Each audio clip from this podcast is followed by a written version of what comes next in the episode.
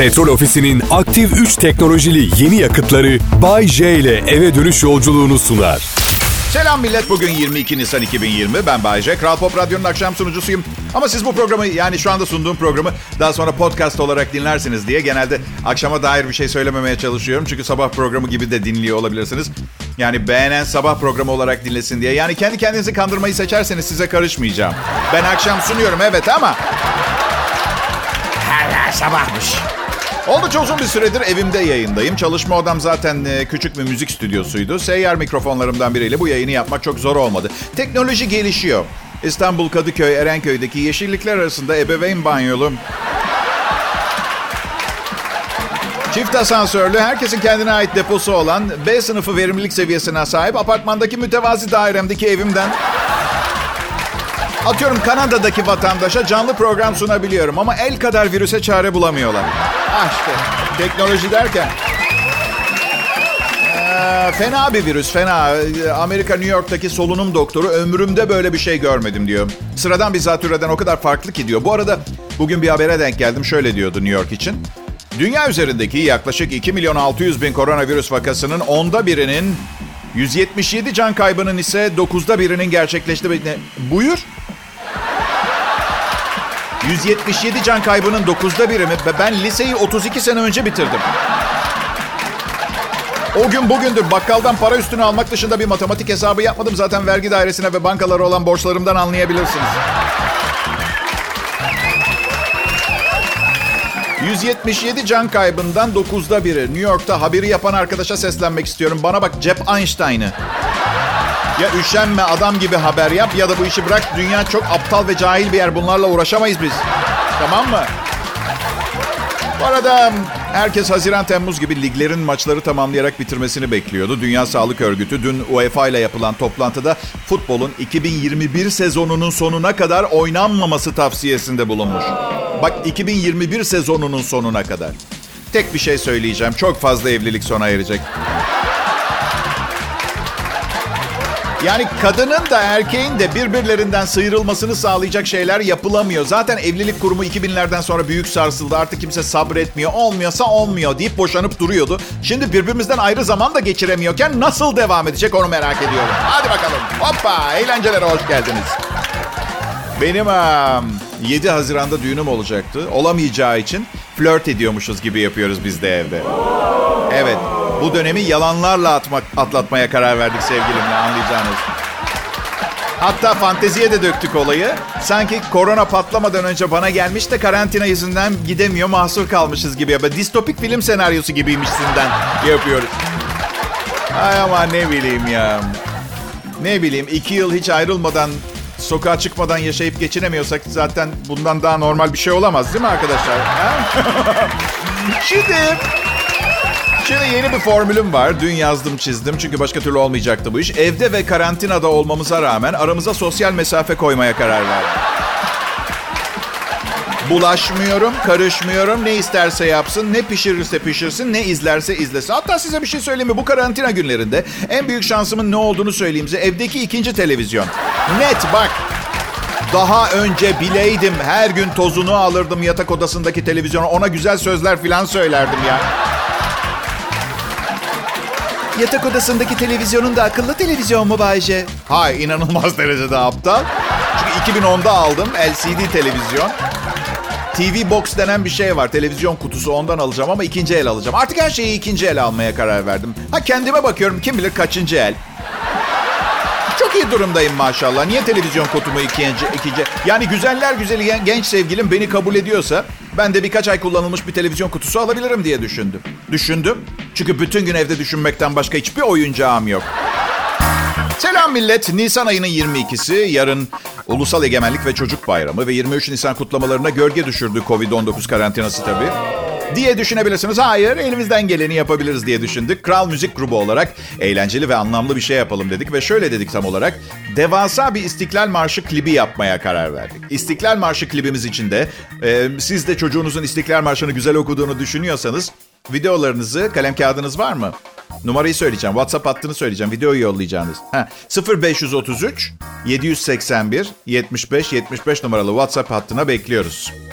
Koronavirüs önlemleri nedeniyle 23 Nisan Ulusal Egemenlik ve Çocuk Bayramı kutlamaları bu yıl okul bahçelerinde değil evlerde yapılacak. Üzülmeyin güzel. Ee, balkonlara bayraklarımızı asıp el sallarız birbirimize, marşlar söyleriz. Milli Eğitim Bakanlığı 23 Nisan Ulusal Egemenlik ve Çocuk Bayramı'nın 100. yıl coşkusunu TRT EBA TV ekranlarında e, bu ekranlar aracılığıyla her eve taşımak için kapsamlı bir hazırlık yaptı. İzleyeceğiz coşkuyu, evlerde yaşayacağız. Ne yapalım? Bu yılda böyle. Tabii bin tane teori var şimdi geleceğimizle ilgili. Virüsün etkisinin 2021 sonuna kadar devam edeceği söyleniyor. Aklı olan en azından yılbaşına kadar maskesiz evden çıkmaz diyorlar. Kim diyor Bayce? Ay ne bileyim her okuduğum haberde kurumun ve doktorun adını aklımda tutmaya çalışacak halim yok herhalde. Kasmayın beni. Okuduklarımdan özet çıkarıp size getirmeye çalışıyorum. Komedyenim la ben. Epidemi özel haber muhabiri değilim ki. Bu kadar oluyor. Ama yine de korona ile ilgili haberler. Korona güncesi 37. İstanbul'da Nisan ayında hava kalitesinde %28.6 iyileşme görüldü. Koronavirüs nedeniyle İstanbulluları evde kalınca hava kendini temizledi. Gelen bir son dakika haberine göre İstanbul Büyükşehir Belediyesi'nin yayınladığı çevre bülteninde İstanbul'a ilişkin hava kalitesinde %28.6 iyileşmeye dikkat çekilmiş. Yani açıkçası ben de sizin gibi düşünüyorum sevgili dinleyiciler. Havası leş gibi pisken, korona yokken her şey ne kadar güzeldi. Evet. Aynı kafayız yani. Türkiye'nin yerleşim yeri bulunan tek göl adası olma özelliğini taşıyan Isparta'nın Şarkı Karaağaç ilçesine bağlı Mada Adası'nın sakinleri dünyayı etkisine alan yeni tip koronavirüs COVID-19 salgından izole bir hayat sürdürüyor. Kimse de yok. Haydi Türkiye, Mada Adası'na gidiyoruz. Evet 30 hanede 180 kişi yaşıyor olabilir. Bizi ağırlayabileceklerinden eminim. Ama Bayce oraya gidersek koronayı da götürmüş oluruz onlara. Biliyorum çok iyi değil mi? Aa evet kuyuya düşmüş. Başkalarını da çekiyor gidip düşerken. 30 hanede 180 kişi. Ben Erenköy'de ara sokakta oturuyorum. Sokağımda 12 bin kişi falan yaşıyor. Ve ve herkes dışarıda market alışverişi denen şey bir delilik seviyesine geldi. Şey gibi sadece madem hepimiz öleceğiz gıda stokumuzu tamamen bitirelim de öyle gidelim. Boş dünyaya bisküvi paketi kalmasın. Gibi bir geçici delilik. Alışverişe gittiğimde insanların alışveriş şekillerini inceliyorum. Artık ne alacağını ve nasıl alacağını şaşırmışlar. Biri 48 paket kuru maya ve 2 kilo un almış mesela. Delirmiş millet. Bir adam bağırıyor. Ne kadar pirzolanız varsa hemen paketleyin. Seri numarası alınmamış eski pirzolalar olsun. Tanesi 28 tane ekmek alıyor. Evde tostçu açıp parayla ailesine mi satacak? Ne yapacak? Ah. Biliyor musunuz benim e, evimin balkonunda barbekü var. Evet. Hani böyle bacası T yukarı kadar giden duvara monteler var. Ama mangal yakmak içimden gelmiyor. Neyse evdeki somon füme havyar stoku tükenince düşünürüz artık mangalı. Yapacak bir şey yok. Hey merhaba. Yorucu belki de evde çalıştığınız için fiziksel olarak çok da yorulmadığınız bir iş gününün ardından burada benimle olan herkese merhaba. Bay J ben. Burası Kral Pop Radyo ve şunu itiraf etmek zorundayım. Siz gerçek işlerde çalışan insanlara duyduğum hayranlığı ve saygıyı dile getirmek isterim. Bunu nasıl beceriyorsunuz bilmiyorum ama ben denedim, denedim, denedim. Olmadı. Sonunda mecburen radyo komedyeni oldum. Ama iyi bir tanesi oldum. Şu anda yanımda olmanızı başka nasıl açıklayabiliriz dinleyiciler? Anneler gününe kısa bir süre kala e, bilim adamları ve bilim adamları derken aralarında kadınlar olduğu ihtimali de gözümün önünden gitmiyor ama eskiden kalma bir alışkanlıkla bilim adamları dedim. Kadın hakları derneklerinden özür dilerim. Hayır dönem öyle bir dönem ki ilgili ilgisiz herkesin sizi herhangi bir konuda topa tut, tutmak için böyle aportta beklediği bir dönem. Ya ne fark eder ya ne adamlar gördük adamlıktan nasibini almamış ne kadınlar gördük adamım diyen adamın elinden adamlık ruhsatını alır. Benden beklenmeyecek bir kamyon arkası oldu bu ama. Her neyse zaten böyle bir çalışmayı ancak erkekler yapabilir. Anlayacaksınız nedenini. Tabii benim gibi bir beyni olanlar anlayacak. Bir, bir fare üretmişler. İki tane annesi var. Baba yok. Bunun ne anlama geldiğini anlamıyor musunuz ha? Yarın öbür gün bu fareler evlenmek de isteyecek. Ah tanrım yozlaşıyoruz. Bey bilim insanları aferin size. Babaları tamamen ortadan kaldırın ki dünya 100 yıl içinde Amazonya'ya dönsün. ya kadınlar bizsiz yapabileceklerimi sanıyorlar.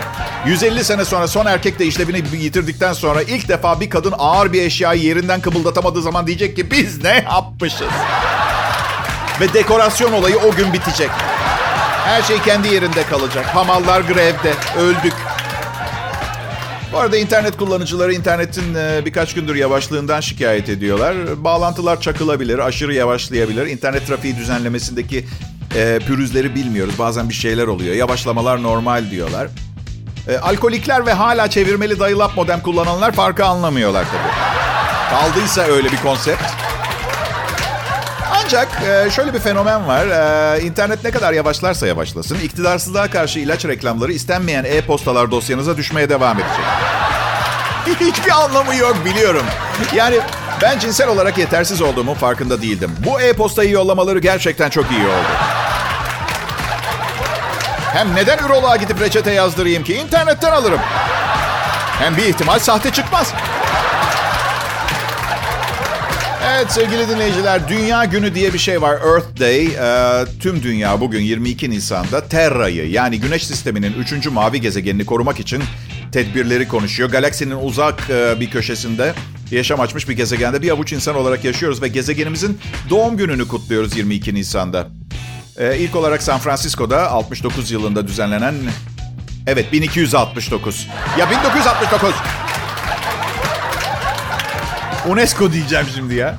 Neyse, e, dünyamızın yaşamı ve güzelliğini kutlayarak karşı karşıya kaldığı çevresel tehditlere dikkat çekmek amacıyla bir özel gün düzenlenmesi fikriyle ortaya çıktı. 22 Nisan Dünya Günü, Earth Day. Bugünlerde dünya kendi kendini yenilemeye karar vermiş görünüyor ama bunu yapmasına izin vermemeliyiz. Bahar gelmiş olmasına rağmen Türkiye'deki tüm kapıcılardan kazanları en üst seviyede yakmalarını rica ediyorum. Sen misin dünya biz miyiz? Hadi bakalım. Bakın e, Dünya Günü, dünyamızın doğum gününü kutluyoruz falan diyoruz ya. Bence bugünlerde dünyanın yaptığı bir şeyi kutlamaya pek gerek yok gibi geliyor bana. Hem Dünyaya sorduk doğum gününde ne oynamak istersin diye. Cevabı şu oldu. İnsan neslinin sonunu getirmece oynamak istiyorum. Daha önce başkaları da kullandı diye işi bitmiş olduğu anlamına gelmez. Bay J şimdi Kral Pop Radyo'da. Aa evet başka radyolarda da çalıştım. Ama bu radyo sunuculuğu, şovmenlik yıllar geçtikçe kendinize bir şeyler daha eklediğiniz zaman daha da kolay ve zevkli iş çıkarabileceğiniz bir meslek haline geliyor. Evet. Diğer yanda şu an beni dinliyorsunuz. Çünkü bu saatte yayında olan e, sunucular biberondan süt çekmeye çalışma yeteneklerinin üstüne fazla bir şey eklememiş görünüyorlar. Bense hem okuduklarım hem yaşadıklarımla e, çok şey bilen adam lakabına layık olmaya çalışıyorum. Programa hoş geldiniz. Hayalim olan yılın 6 ayı Karayipler'de surf yapmaya ulaşamadığım için genel olarak hayatımda moralim bozuk. Bu yüzden şu an yaşadıklarımın tadını fazla çıkartamıyorum. Bari siz eğlenmeye çalışın dinleyici. Evet, kendimi daha da zavallı hissedeyim. Bana yardım edin. Bırakın ki Covid-19 salgınında Süper Loto'da çıksa bir yere gidemiyorum. Ne Karayiplere ya dinle... Ya Karayip'e Dışişleri Bakanlığı Acun'dan rica etmiş uçağınla Karayip'teki vatandaşları Türkiye'ye getirir misin diye. O da uğraşıyor. Ha ben olsam dönmem Karayipler'den. Ha paraları bitmiştir diyeceksiniz. Bir işe girip çalışsınlar. Ha diyeceksiniz korona yüzünden işsizlik var Karayipler'de. Ben de size diyeceğim, diyeceğim ki yeter. Negatif düşüncelerinizle bitirdiniz beni ya. Üzmeyin artık daha fazla yeter. Karayipler'de surf. Biliyor musunuz hayalimdeki mesleği yapan birinin haberi geçti bugün elime. Surf profesörü varmış. Bravo be iyi yedirmiş üniversiteye. Dünyanın en iyi dalgalarını bulmuş. 17 sene araştırdıktan sonra Avustralya'nın surf yapmaya en uygun en güzel sahillerini tespit etmiş. Küçük bir hava aracı, bot ve otomobillerle Profesör Andrew Short ülkeyi dolaşıp 11.011 e, sahili araştırmış. Ee, ve yüzmek 11 bin sahil yok Avustralya'da. 11 bin 11 var. Ee, aklınızda olsun bu. Evet. Akılda tutması kolay. 11 11. Ve yüzmek için en güvenli ve en tehlikeli noktaları belirlemiş ve en iyisi geliyor. Vivon Beach. Ee, Avustralya'nın güneyinde Kanguru Adası'nda bir buçuk kilometrelik nefis bir sahilmiş. Vivon sahili kazanmış çünkü ulaşım kolaymış. Huzurlu, temiz, sörfe uygun ve doğallığından hiçbir şey kaybetmemiş. Sahil Bilimleri Profesörü Sydney Üniversitesi'nden ve araştırmasına 1987 yılında başlamış. Tam 36 bin kilometre sahil incelemiş. En iyi sahil bozulmamışlığıyla Vivon Beach. Evet en fazla iki ay daha. Bu tip şeyler açık çenem düşseydi de söylemeseydim. Bilen bir... Şimdi yalnız İstanbul Sosyetesi'nden 1500 kişi ilk fırsatta oraya gidecek. Peki sizce soru, soru sadece soru eleştirmiyorum. Bu iş 17 senelik bir iş miydi yoksa profesör 17 yıla yayı yayıp yedirmiş mi? Sürmesini mi sağlamış? Ee, beach profesörü, sahil bilimleri profesörü. Bir daha söyleyeyim mi? Beni mutlu ediyordu arkadaşlar. Sahil bilimleri profesörü. Düşünün yalnız bikini, monokini ve mayo konusunda iki kitabı var. Profesör yaptığı açıklamada şöyle demiş. Yarından itibaren aynı turu bir daha sahillerde durum değişmiş mi diye baştan yapacağım. Tabii ki üniversitenin parasıyla. Sizin vergilerinizle diye. Ee, daha sonra da Avustralya genel evlerinin durumunu inceleyecekmiş. Sonra da muhtemelen ölecek. Çünkü yiyecek gamı kalmamış olacak. Ev karantinasında bahar mevsimi. Birkaç gün yağmurluydu İstanbul'da hava. Bugün güneş açtı. Nisan yağmurları. Ben şemsiye kullanmam biliyor musunuz? Bunun birçok nedeni var. Birincisi çok çirkin bir şey. Yani doğanın en güzel dışa vurumlarından birinin size ulaşmasını engelliyorsunuz. Değil mi? Ha nedir? Şemsiye yerine yanınızda bir havlu taşıyın ve yedek kıyafet. Hem şemsiyeyi takside unutabilirsiniz. Külodunuzu unutabilir misiniz? Zannetme. Kim kilodunu takside unutmuş ki bugüne kadar? Hadi unuttun. En azından taksiciye tatlı bir hatıra bırakmış olursunuz. Şemsiyeyi herkes unutuyor. Evet, sevmediğim tiplere bir tanesi daha eklendi. Birkaç gündür böyle bir trend başlattım. Sevmediğim kişi tipleri. Veganlar, keçi sakalı bırakanlar, yapılacak listesi hazırlayanlar, şimdi şemsiye kullananlar. Yani hemen hemen herkesten hoşlanmıyorum diyebiliriz. Bayce merhaba, ben veganım. Adım Memiş. Bu arada Memiş ismini de sevmem. Onu da ekleyeyim. Ben veganım, adım Memiş. Umarım keçi sakalını da beğenmişsindir. Bu da benim yapılacaklar listem. Bu arada şemsiyemi tutarsan sevinirim. Öldün sen Memiş. Bittin sen Memiş. Evet, e, dünyada neler oluyor? E, hiçbir şey olmuyor arkadaşlar. Maalesef, evet. Bu yüzden 10 yıl önceki bir hırsızlık hikayesini anlatacağım şimdi size. Ama hoşunuza gidecek.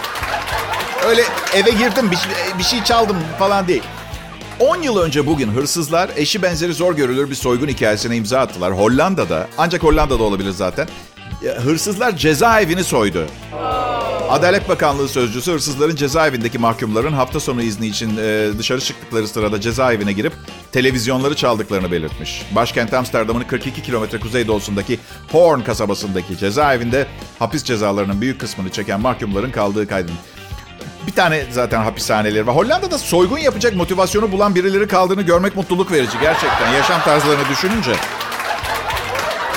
Abi cezaevini soysak boş ver oturuyorduk be oğlum ya. Oturuyorduk. Hem hapishaneye bak hafta sonu izinli çıkıyor herkes. Hapishaneli hapis ama ne? Neyse. Hapishaneden izinli çıkan suçlular kurbanlarının ne hissettiğini daha iyi anlamıştır. Değil mi? Televizyon yok. 6 ay kitap okuyacaklar şimdi. Hollanda'da şartlar nasıl bilmiyorum ama bir mahkum şöyle demiş. Neyse ki kayak takımlarımı ve saat koleksiyonuma dokunmamışlar. Bak işte kendini kötü hissettiren zamanlardan biri. Hollandalı mahkumlar benden daha iyi bir hayat yaşıyor. Eh. Aslında güvenlik daha iyi olabilirmiş ama birileri hurda olarak satmak için demir parmaklıkları çalalı beri. Eh. Son olarak da mahkumların büyük bölümü müdüriyetten o hafta Survivor'da neler olduğunu yazılı rapor şeklinde istemiş. Survivor çılgınlığı. Hey! Selam millet. Ee, yayına başlamadan önce bugün e, müdürüm kıymetlim Gezegen Mehmet aradı. Ofiste çalıştığımız zaman da ara sıra stüdyoma uğrardı. Açık söylemem gerekirse hiçbir DJ'in yanına uğradığını hatırlamıyorum. Yalnız benim bana çeşitli anlamlarda alınabilecek bir şey söyledi. Bahçe dedi programda neler yapıp ettiğini tam bilmiyorum. Özellikle şu korona karantinasında olduğun günlerde ama şunu unutmanı istemiyorum. Eğer batarsam seni de kendimle beraber aşağı çekerim. Musunuz? Korona biter bitmez Karayiplere dalmaya gidiyor ve beni de götürecek. Hadi çok tatlı bir insan. Kurban olduğum gezegen. İyi ki buradasınız dinleyiciler. Varlığınız bu programın anlamlı bir şey olmasını sağlıyor.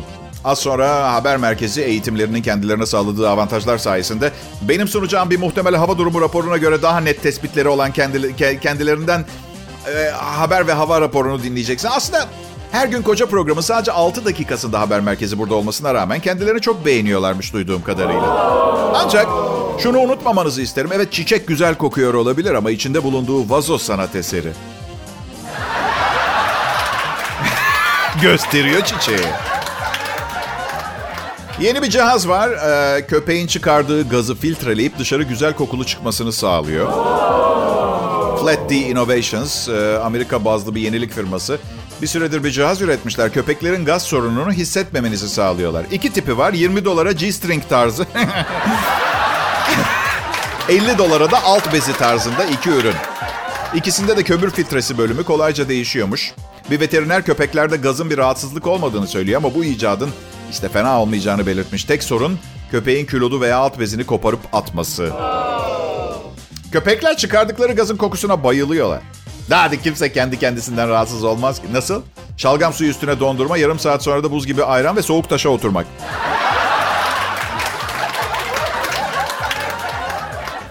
Wow. Korona için maske taktığınızı düşünüyorsanız... Bunun için kuvöze girmek lazım. Ee, tabii sadece kilodu parçalamak değil yani e, takmaya çalışırken Rottweiler'ınız kafanızı da alabilir biliyorsunuz değil mi? Pilotla beraber. Bir şey daha bunu kullanınca evde gaz kokusu için köpeği suçlama şansı kalmayacak ve... Vallahi aşkım köpek yaptı. Aa, ben senin yanında ne zaman ya? Hangi sapık zihniyet bir köpeğe G-string alabilir ya 20 dolara verip? O kadar rahatsız oluyorsan dışarıda besle. Ben her zaman evde dayanmaya çalışıyorum. Bazen kafayı yediriyor evet ama o zaman diyorum ki Leslie kızım hadi eve Arizona'ya. Günler, iyi akşamlar sevgili dostlarım. Burası Kral Pop Radyo. Hep hayal ettiğiniz, düşlediğiniz e, Türkçe pop müzik radyosu. Patronum rüyalarınızı gerçekleştirdi. Şimdi sıra bizim hayallerimizi gerçekleştirmesinde. Bu yüzden kulağınız bizde, kaleminiz anketörlerin formlarında adımızın üstünde olsun. Ay, hayallerimiz gerçek olacaktı, olacaktı ama... Ah, Bayce ben çok yetenekli. Bir kısmı menkul, bir kısmı gayrimenkul ekiple çalışıyorum arkadaşlar. Haber spikerim Berkay, prodüksiyon asistanım Serhat Menkul, yazar ekibim gayrimenkul. Bana ise paha biçilemiyor. Boğaz manzaram iki köprüyü de görüyor öyle söyleyeyim. Üçüncüyü Bayce. Neyim ben ucube mi?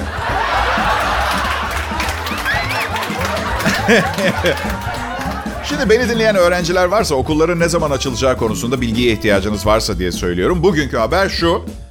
Son dakika gelen bilgilere göre okullar ne zaman açılacak sorusuna yanıt veren Milli Eğitim Bakanı Ziya Selçuk okulların açılmasında Temmuz ve Ağustos değil de Eylül ve Ekim aylarını daha dikkate alıyoruz demiş. LGS tarihini şu anda değişmesi söz konusu değil demiş. Öğrencilerden bu, durum, bu, bu durumdan şikayetçi olup olmadıklarını öğrenmeye çalıştık. Size bir şey anlatayım, siz karar verin. Bugün o, oğlumla e, sohbet ediyorduk. Sonra oğlumu pencereden dışarı boş boş bakıp 32 diş sırıtırken buldum. Diyor ki bir öğrenci daha ne isteyebilir? Okula gitmemek süper. Dersleri de yapıyoruz. Hem disiplin cezası almadan hayatıma devam edebiliyorum. Bak evlat dedim. Bu koşullara rağmen ikmale kalırsan, düşük not getirirsen bacaklarını ayırırım. Korona riski yüzünden hastaneye de götürmem. Öyle ayrık bacak kalırsın. Ya yok arkadaşlar yapacağımdan değil de okula eninde sonunda geri dönecek disiplin konusunu gevşetmek istemiyorum. Şok geçirmesin sonra. New York şu anda e, post apokaliptik gelecek sahnesi gibi görünüyor. Cesetler yüzünden dün New York semalarında akbabalar görülmüş. Akbabalar. İnanabiliyor musunuz? İnsanlığın kendine gelmesi için böyle bir tokat şarttı dinleyiciler. Çok acı var, çok sıkıntı var biliyorum ama böyle mi yaşamaya devam edecekti? Ya aç insanlar yerden ekmek kırıntısı ararken New York'ta müzayede evi bir Picasso tablosunu başlangıç fiyatı 180 milyon dolar olmak üzere satışa çıkarıyordu. Daha ne zaman? Ha tamam pahalı biliyorum ama çerçevesiyle veriyorlar. Bu yüzden tabii artı duvara asmak için tüm aparat yani çivi, çekiç falan hepsi yanında geliyor. 180 milyon dolar. Ben resimden anlamam. Bir de Picasso gibi ağzı burnu kaymış resimlerden hiç hiç anlamam. Ama bunu eksiklik olarak görmüyorum. Yani insanlar resimlere uzun uzun bakarken ben dışarı çıkıp manzaranın kendisine canlı bakıyorum. Picasso gibi insanları böyle yamuk yumuk görmek istediğim zaman da iki tekila, bir bira, iki tekila ama sanata karşı değilim. Yani bir müzede yangın çıksa koşarak içeri dalar ne kurtarabilirsem kurtarırdım arkadaşlar. Ama nasıl olsa Hangisinin kıymetli olacağını anlamayacağım için büyük ihtimalle ateş olmayan bölgede kapıya yakın olanları kurtarırdım. Ya da ne bileyim o sırada müzeyi ziyaret eden güzel bir kızı. Bu, bu daha gerçekçi oldu evet. Güzel ziyaretçi kızı kurtarırdım. Nasıl? Mona Lisa resmini kurtarmam gerekse ama dünyanın en güzel kadını da yangında yanma tehlikesi altındaysa hangisini kurtarırdım? Bayılıyorum böyle içinden çıkılması zor durumlara. Şimdi, şimdi Mona Lisa'yı kurtarırsam büyük ihtimalle bayağı bir zengin, aynı zamanda kahraman olurdum. Ama yangından sağ kurtulursa dünyanın en güzel kadını onu kurtarmadığım için ölene kadar bana yüz vermezdi.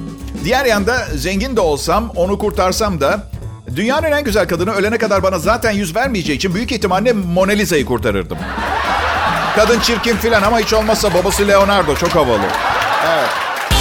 Bay merhaba deyin dinleyiciler. Orada olduğunuzu biliyorum. Hayır değilseniz bir ihtimal kalıyor. O da bir takım deli insanlar anketörlerle karşılaştığı zaman formda gelişi güzel Bay J ve Kral Pop, Pop Radyo'yu işaretliyorlar. Başka bir ihtimal kalmıyor. Bana programımın nasıl e, bu kadar başarılı olduğunu soruyorlar.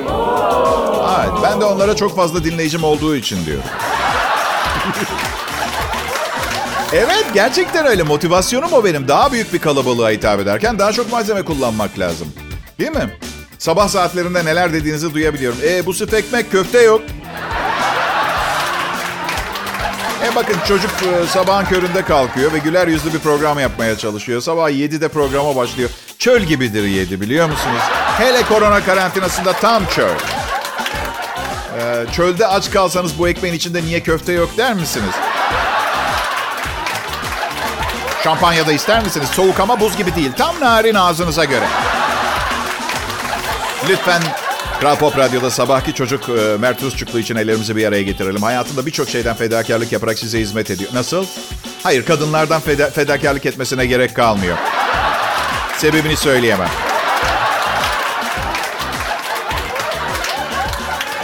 Ee, arkadaşlar bir önceki anonsumda resim ressamlardan, resimlerin pahalılığından ve resimden anlamadığımdan bahsediyordum. Bir de şiirden anlamam.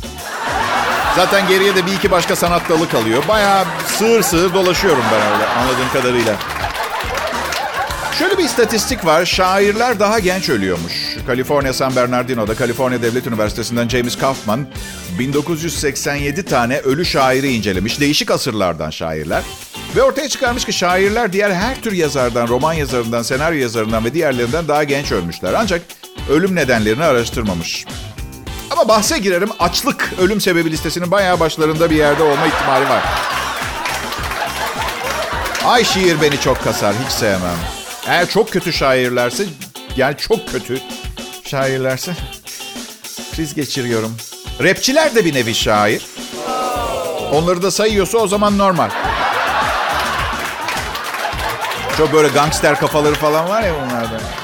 Bir yerde indiriyorlar yani. Ben, ben hep en genç ölenlerin mafyanın iç meselelerini yazanlar olduğunu düşünürdüm. Ama şairlermiş. Benim ölümle ilgili bir şiirim var. Duymak ister misiniz arkadaşlar? Aa teşekkürler. Şiirimin adı O Son Biftek Fazlaydı. Ölümle ilgili şiirim. O son biftek fazlaydı. Başlıyorum.